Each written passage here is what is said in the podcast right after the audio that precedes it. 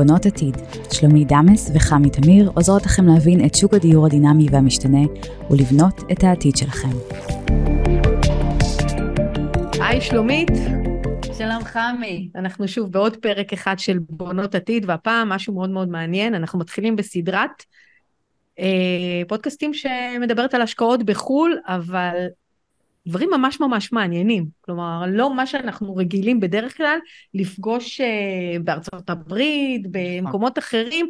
אה, אז ככה בוא נתחיל ונציג את האורח שלנו, אולג קליין, הוא מנכ"ל של Vaisman Investment Group.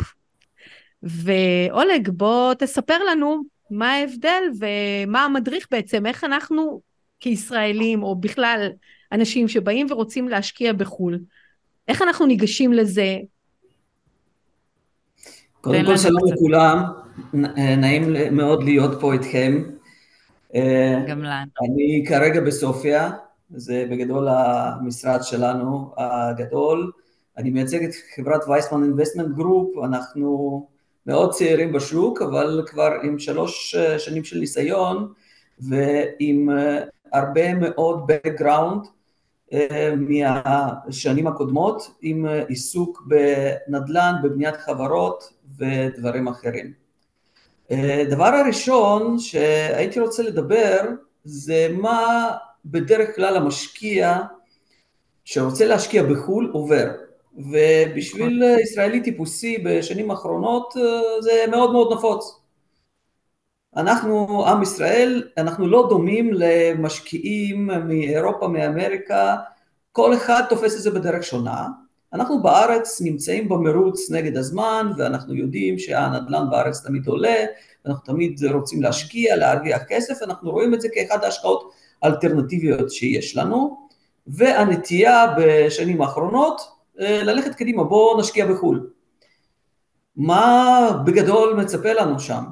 אנחנו בדיוק. הולכים במטרה להרוויח, זה הדבר ראשון, לארגן לעצמנו הכנסה פסיבית, אבל אה, מצד שני אנחנו הולכים לפגוש מספר דברים שאנחנו אולי לא רגילים לפגוש.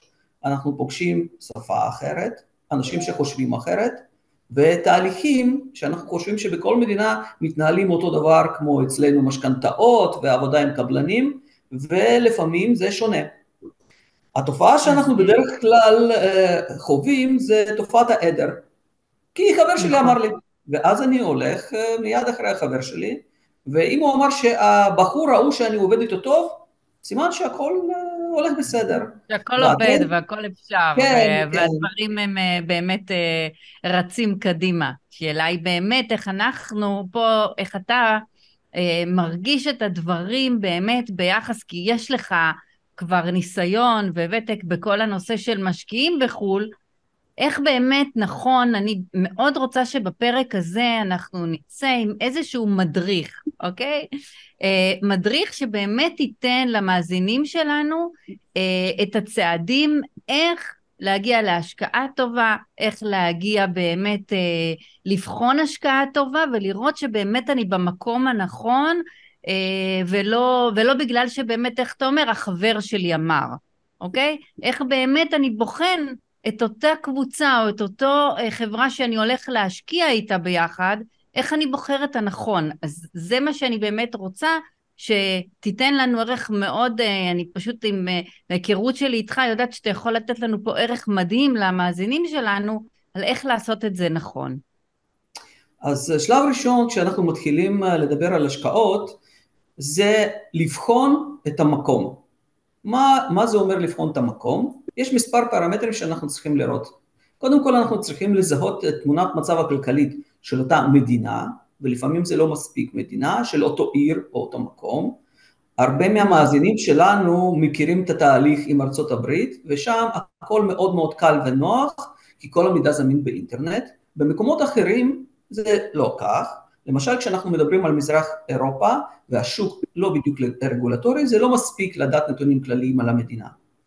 דבר ראשון והוא אחד החשובים, לראות לאן פניה של מדינה מועדות, והדבר השני שמאוד חשוב לראות זה הדמוגרפיה. אם מדינה נמצאת בגידול אוכלוסין או בירידה. במקרה הזה כשאנחנו רואים שרוב הפרמטרים הכלכליים הם אומרים לנו, אוקיי, זה די בטוח להשקיע, אנחנו מתחילים לחשוב באמת. ודבר מאוד חשוב למשקיע זה להגדיר את היעדים שלו. כי כל מי שחושב שבנדל"ן אנחנו שמים קצת ומיד נהיים מיליונרים, טעות, זו עבודה מאוד מאוד קשה. במידה וקיבלנו את ההחלטה, סליחה? אני אומרת, זה לטווח ארוך, הרי כשאתה נכנס לנדל"ן אתה תמיד צריך להסתכל לטווח הארוך, כי אין פה, זה לא מניות ולא שום דבר, אין פה את הצ'ק מקבלים במיידי. כמובן, כמובן, זה לא ספרינט, זה ריצת מרתון. בדיוק. השלב השני, אחרי שאתה מגדיר לעצמך שאתה הולך להשקיע בחו"ל, זה למצוא את הפרטנר המקומי הנכון. זה אחד השלבים המרכזיים ומכריעים בכל התהליך. מדוע? כי אתה לא נמצא במדינה שאתה שם את הכסף שלך. וזה הנקודה בעיניי הכי קריטית. לבוא ולהסכים עם מישהו ולתת את הכסף שלך למישהו אחר, זו בעיה מבחינתנו. אתה צריך לראות איזה ביטחונות יש לך, מי הוא הבן אדם שמולך ומה השירות שהוא יודע לספק לך. כי רכישת דירה או אה, אה, בניית בית או רכישת קרקע זה לא סוף התהליך, זה רק התחלה. המון אנשים שיודעים לתת לך הצעות, ואנחנו יודעים שעם ישראל מאוד אוהב לקבל הצעות ולתת אותן, המטרה שלהם היא שונה ממטרה שלך. המטרה שלהם בגדול להרוויח עליך. אתה צריך לוודא שהמטרות שלו ושלך הן מטרות זהות. שגם אתה תרוויח בדרך. מובן. אני לא מדבר על חברות אה, שעוסקות רק בתחום התיווך, או אנשים שיש להם יכולת להביא לך הצעה עסקית כזו או אחרת. אני מדבר על האנשים שידעו לתת לך מענה מקצה לקצה. זה אומר ללוות אותך במסגרת העסקה החל מתהליך של בחירת העורך דין לעסקה, בחירת רואה חשבון לעסקה, הסבר על תוכנית מיסוי ועל תהליך רכישה עצמה. Okay. אוקיי. הרבה יותר uh, קל בתהליך הזה לדבר על הדירות, הרבה יותר uh, קשה לדבר על השקעות שהן מורכבות יותר, אבל אפילו בתהליך של רכישת דירה יש המון דברים שאנחנו צריכים לזהות כשלבי בתהליך.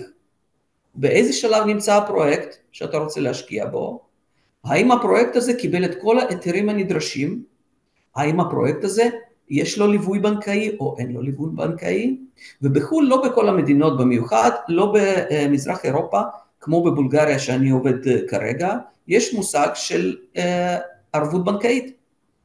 וזה אומר okay. אוקיי. שהמשקיע צריך לדעת טוב טוב עם מי הוא עובד. זה אומר שהחברה או בן אדם שילווה אותו בחו"ל, יצטרך לבוא ולתת לו ביטחונות, או לפחות לתת לו תחושת ביטחון, שהתהליך הוא נכון. מה אנחנו צריכים לזהות? קודם כל, דבר ראשון, אנחנו צריכים לראות שהאינבסטור שמשקיע בפרויקט הזה הוא עמיד, והנתונים הכלכליים שלו הם ברורים וטובים, קרי, הוא יודע לסיים את הפרויקט. דבר השני, אנחנו צריכים לדעת מהו המוניטין של הקבלן המקומי שהולך לבנות את הפרויקט. דבר השלישי, שמאוד מאוד מומלץ, זה להבין מהגורמים המוניציפליים שהפרויקט באמת מאושר ומהו מתווה העתידי של אותו אזור. אז, אז אולג, שנייה, אם אני משווה ככה למה שאתה אומר, למה שקורה בישראל, זאת אומרת, בן אדם בא ורוצה לקנות אפילו דירה יד ראשונה או יד שנייה, אתה אומר, קודם כל, הלוקיישן. קודם כל, מבחינת מיקום, תראה איפה באמת נכון לך מבחינת המיקום להשקיע או, אה, או לקנות. עכשיו, במקרה שלנו זה השקעה, כי זה לא למגורים, אז גם בישראל שהוא משקיע, הוא בוחר באמת את המקום שמתאים לו להשקעה. עכשיו, כשאנחנו קונים דירה בישראל, אז אנחנו קונים את הדירה ויודעים, רואים, זה מה שקיבלתי, זה מה שאני קונה, שאתה אומר, בחו"ל זה אחרת. זאת אומרת שאם אתה לא תכיר את השפה ואת העורך דין ואת האוכלוסייה ותעשה באמת את המחקר הזה, אתה יכול להיות שתיפול בדרך. כמובן. זה מה שאתה אומר מזה. וזה בעצם מעטפת שהיום אתם נותנים ללקוחות? איך זה, איך זה עובד אצלכם, המעטפת הזאת? אני אגיד את זה בצורה הבאה, לפני מספר שנים הייתי בנעליים של משקיע שהגיע למדינה זרה והבין מהר מאוד שלעשות נדל"ן מבחוץ זה משימה בלתי אפשרית. Okay. אוקיי. ואני באופן אישי נתקלתי במספר אנשים שהם מלווי משקיעים שהם הציעו כל מיני פרויקטים. הקונספט שלי הוא טיפה שונה ממשקיע שהוא רגיל והולך אה, רק לקנות דירה, כי המטרה שלי הייתה לארגן את התהליך. ובדרך כלל השלב הראשון בתהליך זה הריסרצ' וזה מה שעשינו. וכשעשינו את הריסרצ' אנחנו הבנו מהר מאוד אה, מהו התהליך הנכון שצריך להיות. והתהליך הנכון זה לתת מעטפת של 360 מעלות לכל אחד שמגיע ממדינה זרה למדינת היעד. מה זה 360 מעלות? בשביל לתת הצעות ומדריך לזה, קודם כל אתה צריך להתנסות בעצמך. וזה מה שאנחנו עשינו מלכתחילה. וזה אומר שאנחנו התמקדנו במיוחד בתהליך של הרגולציה המקומית. למה תהליך של הרגולציה המקומית? כי מבלי שאתה יודע, כמו בארץ, יש לנו תב"ע ואנחנו יודעים לבדוק, לבדוק, אנחנו יודעים לזהות מהו תהליך תכנון עיר. כשאתה מגיע למדינה זרה, המידע הזה הוא לא תמיד זמין. בבולגריה למשל, להשיג את המידע הזה זה מאוד לא פשוט.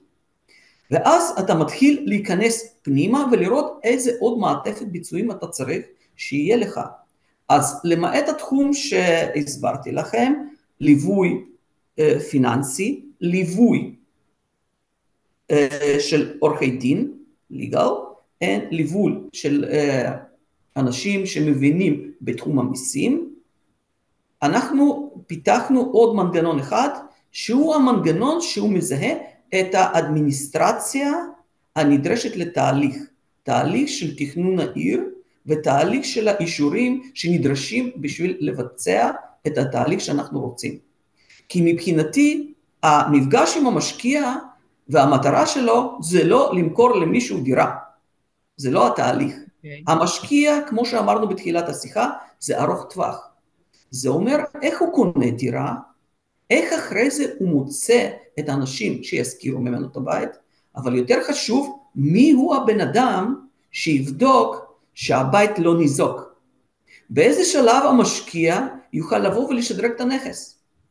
כי המצב הכלכלי הוא משתנה כל הזמן, ואז אחרי תקופה של שנה, שנתיים, שלוש, בהתאם להתפתחות, לפעמים צריך להשביח את הנכס.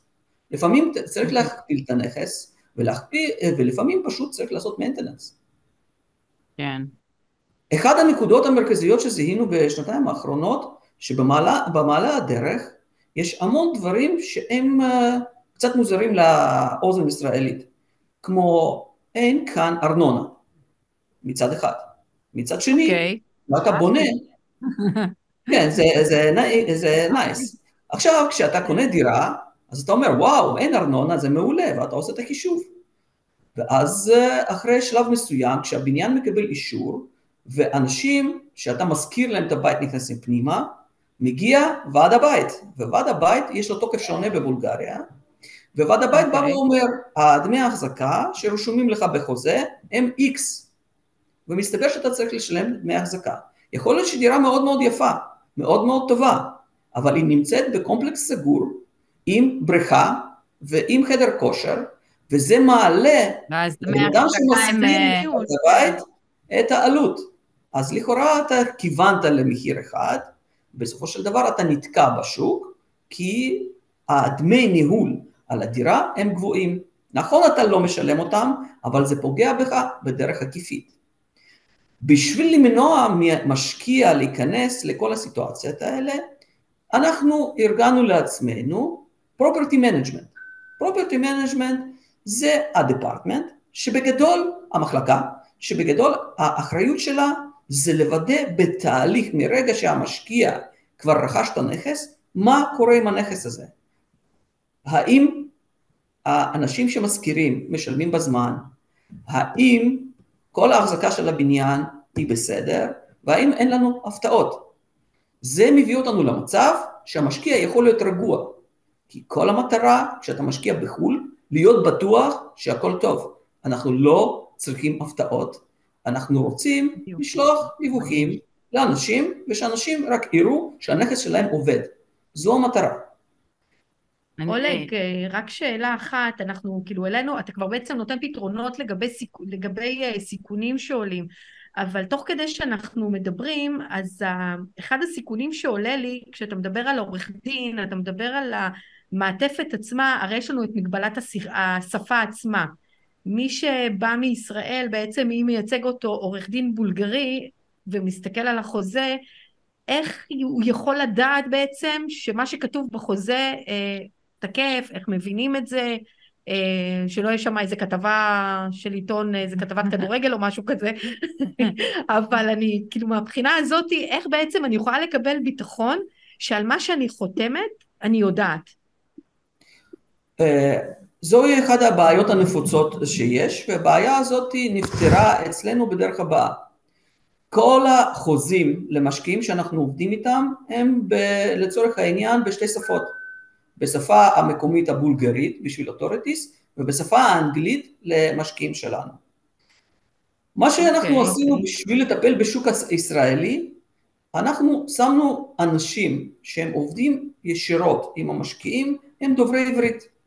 מצד שני הם דוברי אנגלית ובולגרית. וזה אומר שבכל רגע נתון, אותו משקיע יודע בדיוק מה רשום, והעורכי דין שלנו הם אה, לצורך העניין נבחרו בצורה כזאת שהם אה, מכירים את הקהל הישראלי, יש להם ניסיון בעבודה עם עורכי דין ישראלים, אבל מצד שני הם לוקלס, הם מכירים את החוק המקומי כי זה מה שהכי חשוב. אחד הדברים שבאמת משקיע, שהוא מרגיש שהוא באמת בבית, שהוא אמנם הוא בבולגריה, אמנם הוא משקיע שם, אבל ברגע שיש לו עם מי לדבר בצורה כזאת של עברית והישראליות והדברים האלה, הוא מרגיש כאילו הוא משקיע בארץ. זה, זה, זה איזשהו משהו שנותן הרבה ביטחון אה, ברגע שאתם נותנים את המענה הזה. זה נשמע לי אה, מאוד, אה, מאוד נוח לעבודה.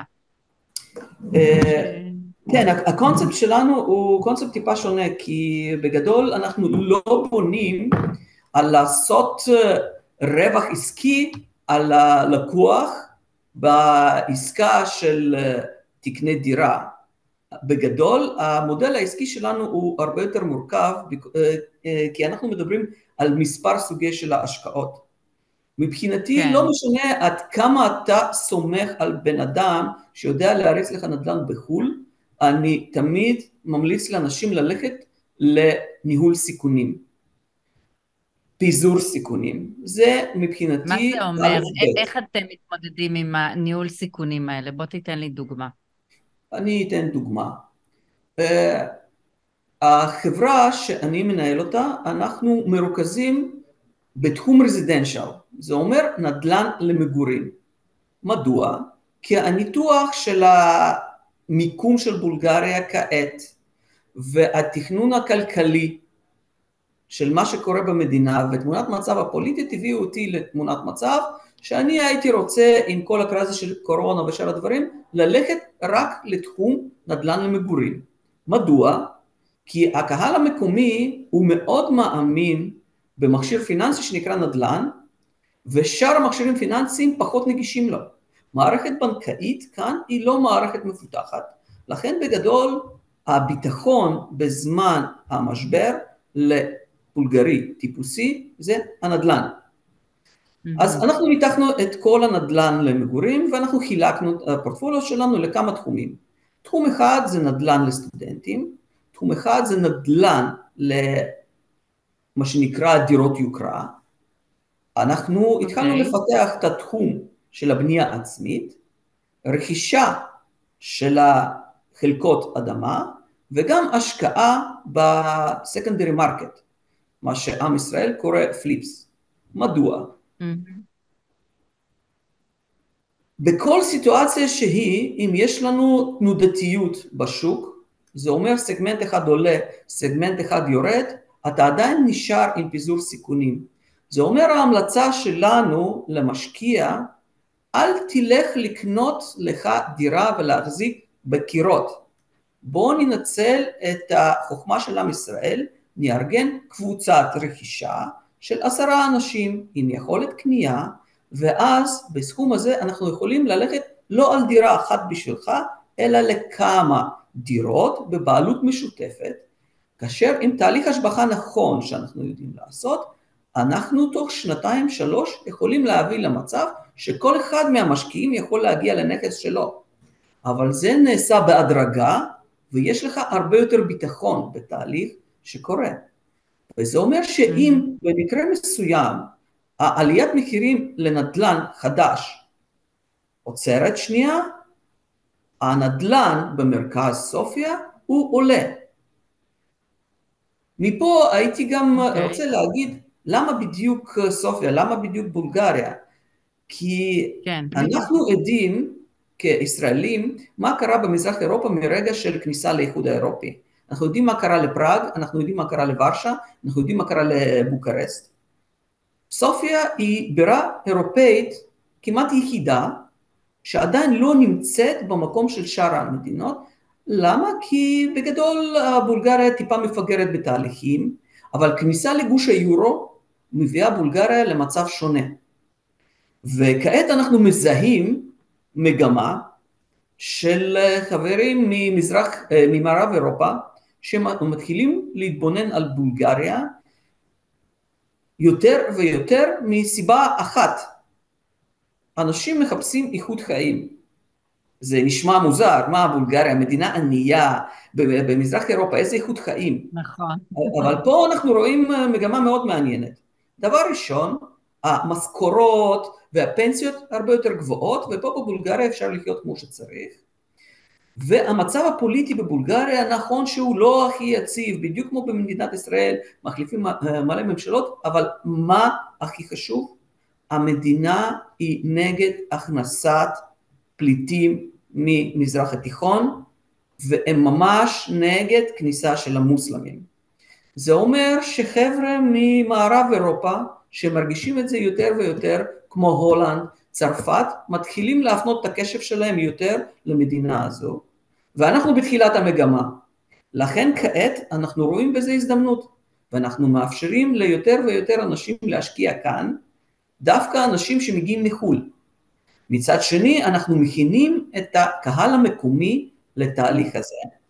אה, אחד הדברים החשובים שמביאים אה, אותנו להתמקד בבולגריה זה הסירוב של המדינה בכל התהליך של הגירה של מוסלמים ממזרח התיכון לתוך בולגריה.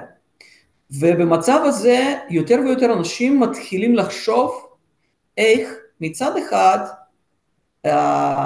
פרק החיים השני, אחרי שהם יוצאים לפנסיה, להעביר בבולגריה, כי הלחץ המוסלמי בצרפת, בהולנד, מתחיל לתת את אותותיו. והתחזיות דמוגרפיות הן דמוגרפיות לא באמת טובות, לכן אנשים מתחילים להגיע ולהתעניין.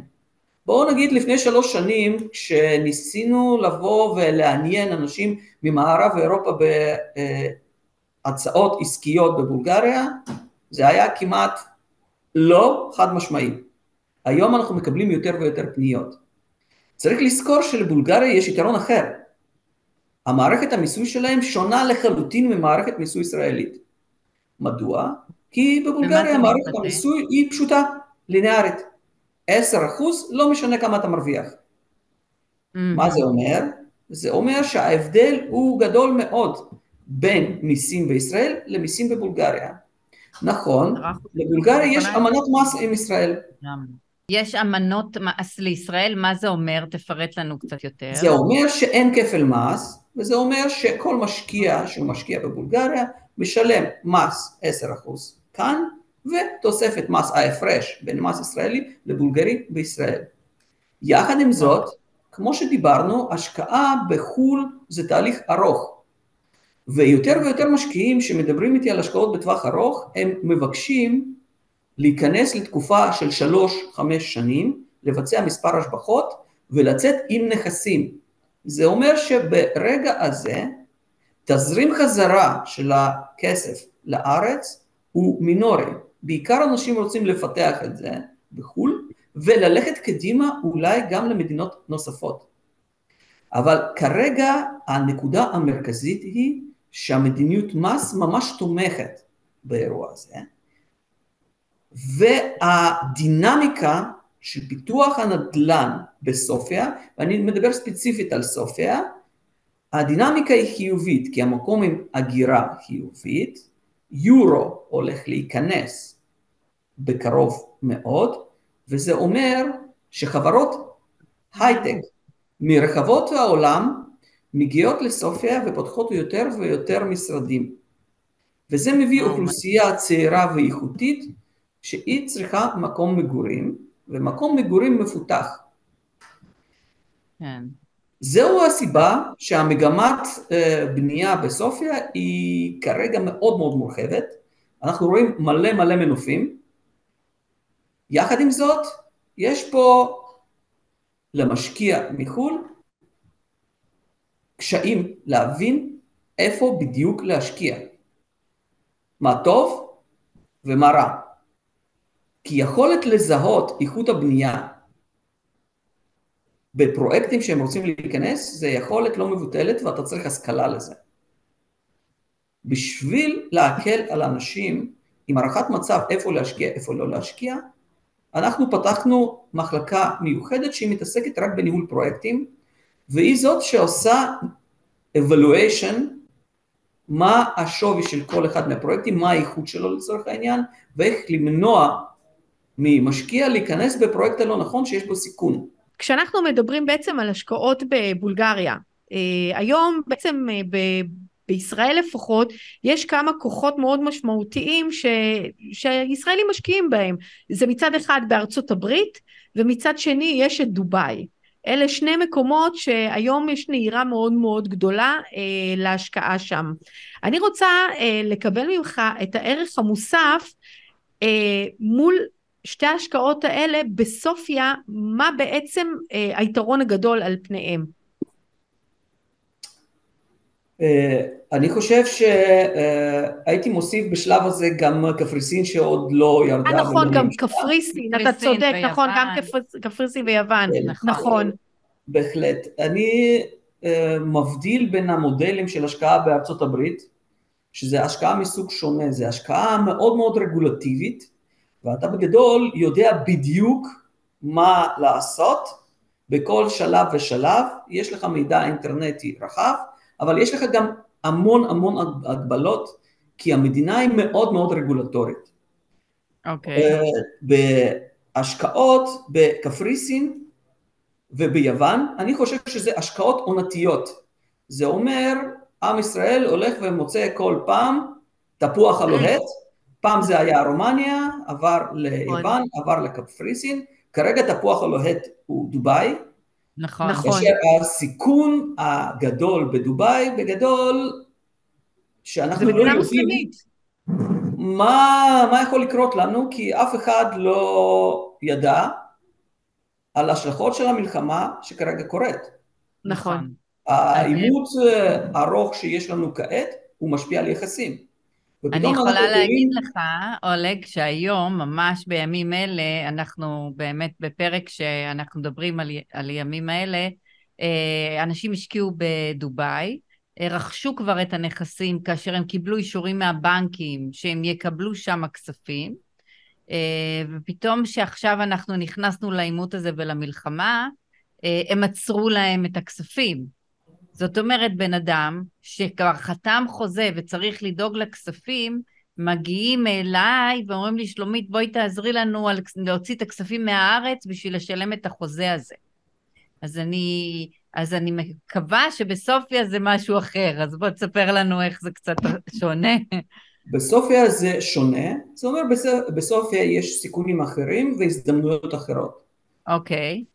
מה לצורך העניין הסיכון בהשקעה בסופיה, זה שוק לא רגולטורי. זה אומר שאנחנו לא יודעים בהתחלה לקראת מה אנחנו מגיעים ואיזה הפתעות מחכות לנו.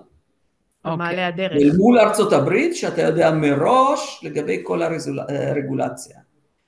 בסופיה, מערכת בנקאית שהיא לא מפותחת, כמו בארצות הברית או כמו ישראל, אבל זה מביא לנו דווקא סיכוי, לא סיכון. מדוע? אחד, איחוד האירופי בגדול נכנס למערכת בנקאית ומתאים אותה לרגולציה, וזה אומר שהיא מתקדמת יחסית מהר, אבל ברגע הנכון כעת, תשימו לב, האנשים מקומיים נכון להיום עדיין יכולים לקחת משכנתה עד הגובה של 70, 80, 90 אחוז מהנכס, עם ריבית קבועה לחמש שנים שהיא עומדת על 2.8.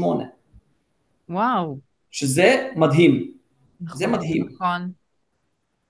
אז הדבר הזה לכאורה הוא מעולה, אבל היום אנחנו כישראלים מתקשים. למה אנחנו מתקשים? אתם לא תאמינו, לא בגלל שאנחנו ישראלים, דווקא החלק שהם עולי ברית המועצות, ואצלם בדרכון רשום שמדינת לידה זה רוסיה, no. הם אלה שמתקשים לקבל את כל המשכנתאות האלה, בלי ליווי הדוק, כי בולגריה כרגע נמצאת במצב פוליטי מצד של אוקראינה ולא מצד של רוסיה. מצד של הרוסים. כן. מצד שני, הבולגריה מבחינת הקונספט, היא תומכת בישראל בכל המאבק הזה. זה הקונספט הבולגרי, ואנחנו נמצאים בסיטואציה די טובה. אוקיי. Okay. עכשיו, כאן, בשביל לבוא ולהפוך סיכון לסיכוי, אנחנו צריכים להבין בגדול מה הולך בשוק. ואינטרנט לא עוזר לנו, אתרים בולגריים לא עוזרים לנו, כי הם מטעים. אז מה עושים במקרה כזה? במקרה כזה מסתבר שבבולגריה 90% מהעסקאות נעשות דרך המתווכים. Mm-hmm. עכשיו כל אחד מאיתנו יש לו את הדעה האחרת על המתווכים, זה, זה פחות קריטי. Okay. אוקיי. הנקודה היא מאוד פשוטה, למתווכים, בגלל שזו מדינה יחסית לא גדולה, עם 6 מיליון איש, יש רשת מתווכים אחת. לא משנה כמה uh, סוכנויות יש, הם כולם ברשת אחת. זה אומר אם אני מגיע ואני פונה לסוכן X או לסוכן Y, בסופו של דבר אני אגיע לאותו אפרטמנט. והרעיון המרכזי בשביל למנוע את הסיכון למשקיע שמגיע מחו"ל, לקחת את הדאטה מהברוקרים ולהביא את זה למישהו שיודע לנתח, למחלקת ניתוחים שלנו, שהיא עושה את כל האנליזה. בתחום הזה אנחנו באים ואומרים, רגע, אנחנו יודעים לזהות מי הוא ה constructor המתאים וה investor המתאים להשקעה שלך. וזה משהו שקשה מאוד לקבל אפילו בארצות הברית, כי המהות של ה group שלנו לתת מענה 360 מעלות למשקיע. זה אומר אין תחום שהמשקיע יכול לפגוש במהלך ההשקעה והוא לא מקבל מענה מהחברה. אוקיי. Okay. הרעיון מאחורי שאני לא רוצה אף אחד שיבוא וישקיע בהשקעה חד פעמית, יקנה apartment ויחשוב שהוא עשה את הדיל חייו. זה, זה לא האקזיט, זה ארוך טווח, ואנחנו נתקדם דווקא בתחום הזה. אני אה, חושבת, אולג, אה, אתה יודע, היו לנו פרקים קודמים שעסקנו גם בהשקעה בארצות הברית וגם אה, בחלק המשפטי של כל הנושא של השקעות בחו"ל, ואחד הנקודות שאתה נוגע, שלא נגענו בפרקים האחרים, זה באמת, בסדר, קנינו את הדירה, עשינו את הכל, עברנו את הכל בשלום, מה קורה אז? ופה אתה אומר לי, שלומית, כאן את באמת יכולה לקבל איזושהי מעקב. על מה קורה עם הדירה, אם צריך לשפץ אותה, אם צריך למכור אותה, אם צריך להתקדם לעסקה הבאה, או כל הדברים האלה, שזה מענה שבאמת, אה, אני חושבת, חסר בהרבה מאוד אה, ליוויים שאנחנו נפגשנו בהם, אה, באמת לתת את ה... אני לא גרה שם, אני לא יודעת מה קורה, לא מבחינה פוליטית, אני לא עוקבת גם על כל דבר שקורה, ו... וכשאתה אומר, אני מוריד לך גם את הסיכונים, בזה שאני חוקר את השוק, אוקיי? Okay, ויודע איפה כדאי להשקיע, ואם אותו אזור שהשקעת אז יקרה לו כך וכך, אז אנחנו נמכור ונתקדם לעסקה הבאה, זה, אה, אני חושבת, יתרון שהוא אה, באמת ייחודי אה, למה שאתה מציע כאן. כן, כמובן, בגלל שהאירוע הזה הוא מורכב לכל משקיע, אנחנו מנסים ליצור מערכת שנותנת שקיפות מלאה. זה מאוד חשוב בדירות, אבל עוד יותר חשוב בפרויקטים, בעסקאות משותפות, במיוחד במקרים שבהם אנחנו הולכים ומדברים על רכישה של הפרויקט, או כניסה לבניין או לבנייה במצב שזה רק על הנייר. כן. השוני בין ישראל לבולגריה, שבישראל יש לנו ליווי בנקאי, ובבולגריה אין עדיין, אנחנו מנסים לפתח את המוצר הזה עם אחד הבנקים ממערב אירופה, בשביל לתת ביטחון יותר למשקיעים שלנו. יחד עם זאת, המשקיעים אה, חייבים לדעת מהו הביטחון, מהו הביטחון שלהם. כן. ואנחנו בכל שלב הולכים לביטחון שהוא לא רק חוזה, זה הדבר הבסיסי. דבר ראשון, אנחנו רושמים חלק הנדרש של הקרקע על שם המשקיע. אנחנו מביאים למצב שאותו משקיע יודע הכל על הפרויקט. ובנוסף, המשקיע שלנו, בכל שלב של העסקה, יש לו את היכולת בפרק זמן מסוים לצאת החוצה. זה תלוי באיך העסקה נבנתה ומה קורה איתה. אחד הדברים המעניינים שאנחנו מפתחים זה יכולת רכישה של אה, פרויקטים שהם על הנייר, ממספר קבלנים בודדים שאנחנו עובדים איתם, כי אנחנו באמת יודעים לעשות בדיקה שלהם, כאשר אתה לא נדרש להגיע לדירה מוכנה. זה אומר יש לך תחנות יציאה בשלבי בנייה, שאתה יכול לצאת ולקבל את הרווח שלך בכל שלב ושלב, והחלטה על נקודת יציאה היא החלטה שלך. יש שתיים, שלוש נקודות יציאה, ואתה יכול להשתמש בזה. מדהים. זה נקודה די חשובה. מאוד.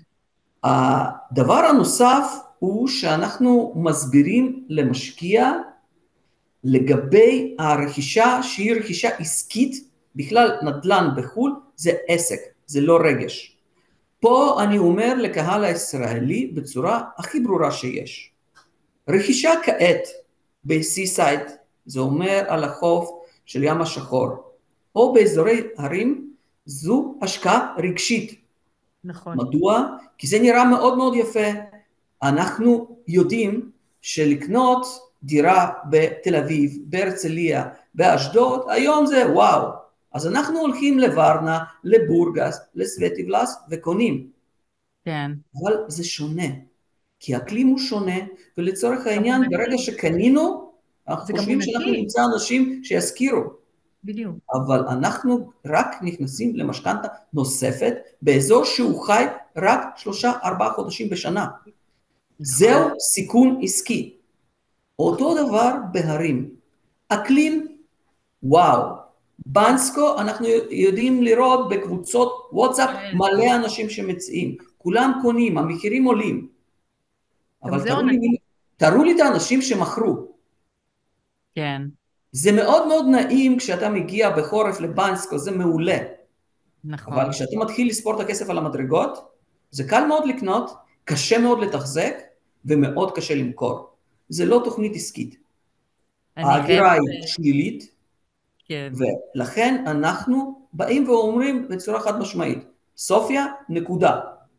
מה השלב הבא בבולגריה בעוד שלוש, חמש שנים? זה הולך להיות פלובדיב, בסופו של דבר זה הולך להיות בורגס, כי המקום הזה הוא מתפתח לא להיות just resort, אה, אה, מקום לבילוי קיצי, מפתחים את זה. יחד עם זאת, השלב הראשון בולגריה צריכה לבוא ולהיטמע בגוש היורו בצורה מאוד מאוד משמעותית. ההשקעות בסי-סייד בעלי סיכון מאוד מאוד גבוה בגלל מלחמה בין אוקראינה לרוסיה. כי הקהל המרכזי שהגיע לשם זה הרוסים, וכרגע הרוסים לא מגיעים, וזה mm-hmm. מכניס אותנו לבעיה. Uh, מצד שני, בבנסקו יותר טוב, כי יש מלא תיירים מחו"ל שמגיעים, וזה מאוד מאוד נוח, אתה נוחת בסופיה שעתיים ואתה בסקי ריסורט, מצד שני, האנשים לא מגיעים לשם לאורך זמן, כי התשתית היא תשתית מוגבלת, וזה לא שווה ערך לאתרים במערב אירופה. אז אנשים לאט לאט מבינים שאם אתה רוצה השקעה המשכית, אתה הולך לסופיה. כי זה המקום שהוא יחסית מפותח. גם זו עיר בירה, גם עיר בירה, גם שם, באמת, את, את מסתובבת שם, את מרגישה אני חייבת לספר לך שבא אליי לקוח השבוע, ודיברנו בכלל על עסקה אחרת, ואז הוא אמר לי, יש לי את הווילה ביוון. ואמרתי לו, אוקיי, תגיד, מה התשואה שלך שם? כי מה לעשות, אני מתעסקת תמיד בכסף, וזה מעניין אותי, מה... אומר לי, תראי את הווילה, תראי איך את רואה את הים, תראי את הזה, זה לא בשביל תשואה. אז אמרתי, מה זאת אומרת, אתה לא משקיע בשביל לקבל תשואה? זה בדיוק מה שאתה אומר, כאילו, אנשים מגיעים באמת לקטע התיירותי, לראות את המקום, רואים וילה מהממת, רואים את הים משם, רואים את הזה, אז הוא... הוא רואה את הים, הוא לא רואה את הכסף. אז הוא מאוד מתלהב, אבל אה, באמת אם אני בראש שלי להשקעה ולעשות כסף מכסף, אה, זה פחות אה, מעניין אותי אם אני רואה את הים או לא רואה את הים, אלא מתי אני באמת אראה את, ה, את הרווח מתוך העסקה הזאת. אז זה נורא מדבר אליי מה שאתה אומר. בהחלט. אחת הטעויות הנפוצות זה השאלה הראשית שבאים ושואלים, רגע, מה, מה התשואה שלי? מה התשואה שלי? כן. בארץ אני יכול להשכיר דירה, לקבל 4%, 5%. חבר'ה, התשובה היא הרבה יותר מורכבת, כי זה לא ממש משנה כמה אחוז מרנטלס אתה מקבל, אתה צריך לזהות לאיזה אזור אתה מגיע, ואם השווי של הנדל"ן עולה וההשקעה שלך עם רנטלס זה רק בשביל שנתיים שלוש, ואתה יכול להכפיל את השווי שלך, זה סיפור אחר. זה ממש כן. סיפור אחר. אבל מצד שני, איפה אתה נכנס לאירוע בהשקעה בחו"ל? אתה יודע טוב מאוד מה המצב הכלכלי במדינת ישראל. אתה יודע מתי בנק ישראל מעלה ריבית, מה קורה ומה הולך. נכון. אבל מה קורה עם אינפלציה במדינות אחרות? זה אירוע מאוד מורכב. בואו נגיד, אם בישראל בשנה שעברה הקרנות בממוצע הפסידו 10-15 אחוז, והן עושות תיקון כעת, בבולגריה נכון. באותו שלב היינו באינפלציה מאוד מאוד גבוהה. אוקיי. מה המלצנו לכל המשקיעים? המלצנו לכל המשקיעים ללכת ולשנות את התמהיל התיק שלהם. לא בהחלט להשקיע בנדל"ן לטווח ארוך, להשקיע בנדל"ן לטווח קצר. אחד השק... סוגי ההשקעות שאנחנו עושים זה השקעה בפליפים. מדוע? כי בזמן שיש לך crisis, מה תמיד שומר, שומר על המחיר? זה המרכזי הערים. Okay. אז אוקיי. אנחנו עושים ניטור של הדירות, שכמו שאומרים בארץ, הוצאה לפועל, דירות mm-hmm. של המדינה, דירות של אנשים שמתקשים, לוקחים את זה במחיר זול, משפצים והולכים קדימה. מוצאים הזדמנויות. עכשיו רגע, בצורה אפקטיבית, כי זה נורא נורא מורכב. כן. איך תדע, איך לשפץ, מה הרגולציה, מה מותר, מה אסור, איך הכל. אז uh, לשם הדבר הזה, uh, אם אתם זוכרות, אמרתי 360 מעלות. אז יש לנו נכון. חברה שהיא מתעסקת בשתי דברים העיקריים. אחד, היא עושה את הפינישים, כי פה בבולגריה כל הדירות החדשות נמכרות בצורת מעטפת. כן, זה אנחנו... אתה קונה דירה בבולגריה, אתה כבר השקעת ואתה כבר רוצה להביא את הטננט, אתה מגיע ואתה רואה קירות בטון.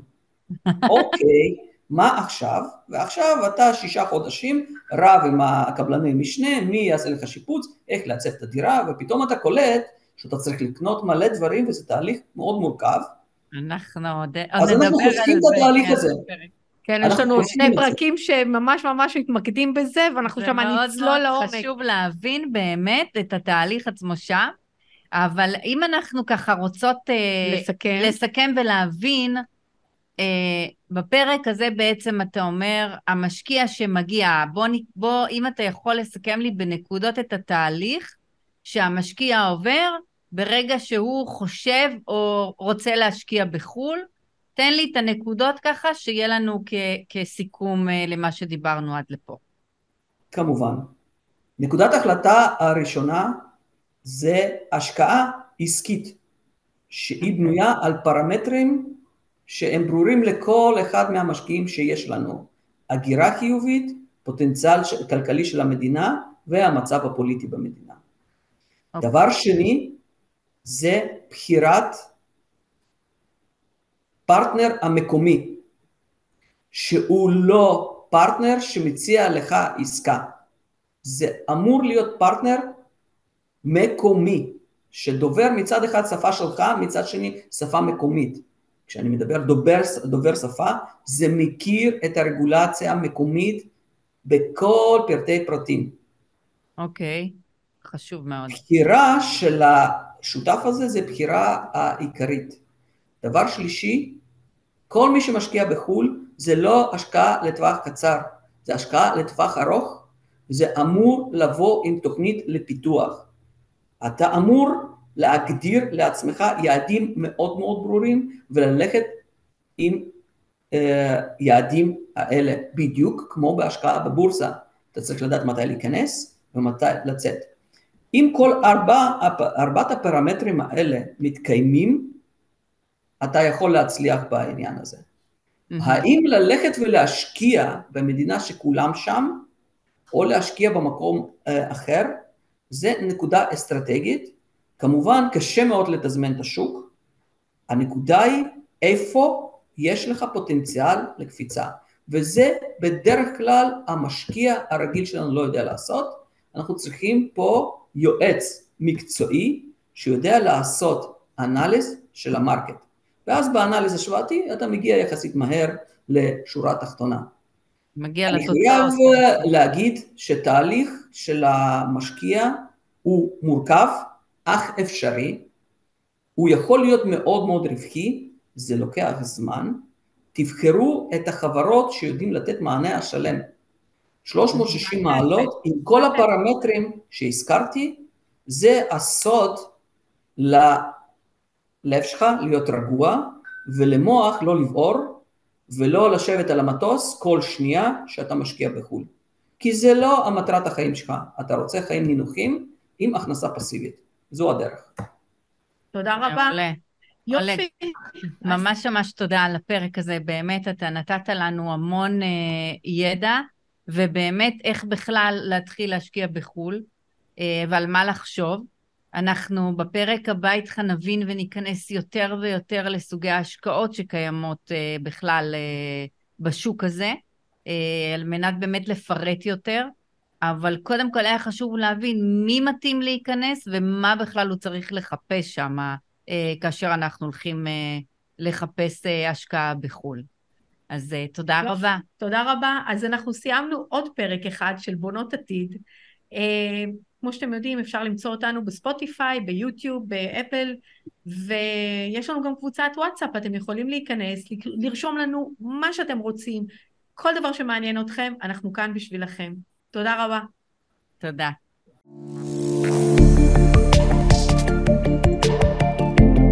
תודה רבה שהאזנתם והאזנתם לנו. אפשר לשמוע אותנו גם בספוטיפיי, אפל פודקאסטים וגוגל פודקאסטים.